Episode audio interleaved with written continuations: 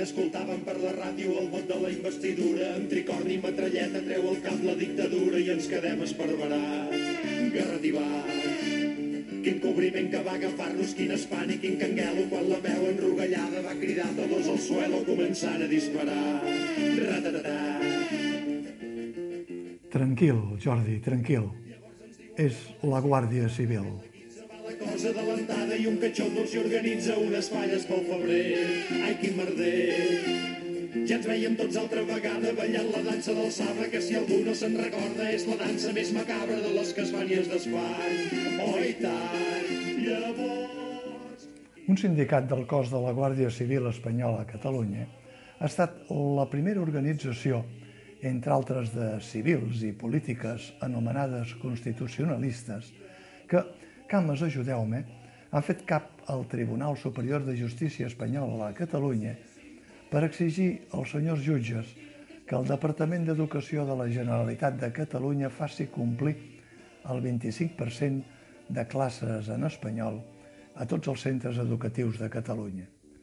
A més, el mateix sindicat ha aprofitat la vinentesa per afegir una reclamació laboral que el seu govern, és a dir, l'espanyol, els indemnitzi amb 450 euros per cada pèrdua que tenen de falta d'ensenyament en espanyol i pel fracàs escolar que pateixen i pel mal moral que els ocasiona el fet que els fills i filles de la Benemèrita no puguin rebre l'ensenyament en espanyol a Catalunya perquè, com tothom sap i es profecia, a les escoles i als instituts de Catalunya es persegueixen els infants que parlen en espanyol i fins i tot se'ls posen pedres a la motxilla. És comprensible que els pares i les mares que viuen laboralment del sou del cos de la Benemèrita i que els traslladen fora de casa seva, ja sigui per servir a la pàtria o per atonyinar ciutadans que voten, no ho fan per voluntat pròpia, sinó per obligació, i que el més segur és que molts d'ells aspirin a tornar a la seva terra com més aviat millor no com van fer els seus avantpassats, que també portaven tricorni i que es van integrar amb les poblacions o les comarques on se'ls va destinar, fins i tot jugant al tuti amb els pobletans al cafè del poble. I per descomptat, tampoc com aquells guàrdies civils seus avantpassats del 1936, que, en un gest insòlid, en comptes d'apuntar-se al cop d'estat dels generals, van donar suport a la república i al president Companys. Els pares i les mares dels fills de la Benemèrita al·leguen que els seus plançons pateixen el fracàs escolar, sense cap prova ni cap estadística que ho corrobori, simplement perquè sempre és millor llançar la pedra i amagar la mà. Els pares i les mares dels fills de la Benemèrita afirmen que el català per ells és un problema. I ho diuen desconeixent o no volent conèixer que a Catalunya hi ha infants escolaritzats que provenen familiarment de més de 300 llengües diferents i que, tot i així, gràcies a una immersió lingüística a hores d'ara a la corda fluixa, són capaços d'entendre la llengua oficial del país i també la vehicular, que és el català, la llengua cooficial, que és l'espanyol, una bona part d'anglès i la seva llengua familiar.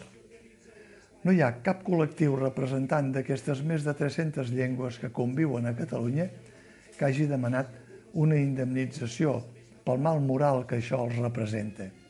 I, contràriament a aquell fosc i esperpèntic episodi del 1981, ara ningú no ha trucat a la Generalitat per dir al primer conserge de torn que es posi al telèfon «Tranquil, Jordi, tranquil, és la Guàrdia Civil. No ens posessin pas nerviosos, tranquil, Jordi, tranquil, que és la Guàrdia Civil, tu tranquil. Ai, mama, mama, mama, mama, por. I se'ns donava la consigna de mata'ns cap de la feina perquè aquí no passa nada, segadors no es voleu l'eina que podríem prendre mal. En general, i sobretot serenitat. Però si guanya el del mostatxo voldrà més estar borratxo i deixar-se de punyetes, corre, agafa les maletes i no paris fins a Perpinyà. Ja s'ho farà. I l'endemà quan va arreglar-se quina cosa més estranya, fins i tot els més escèptics tots cridaven Viva Espanya i viva la Constitució. Mira per on, i visca el rei, és quin remei.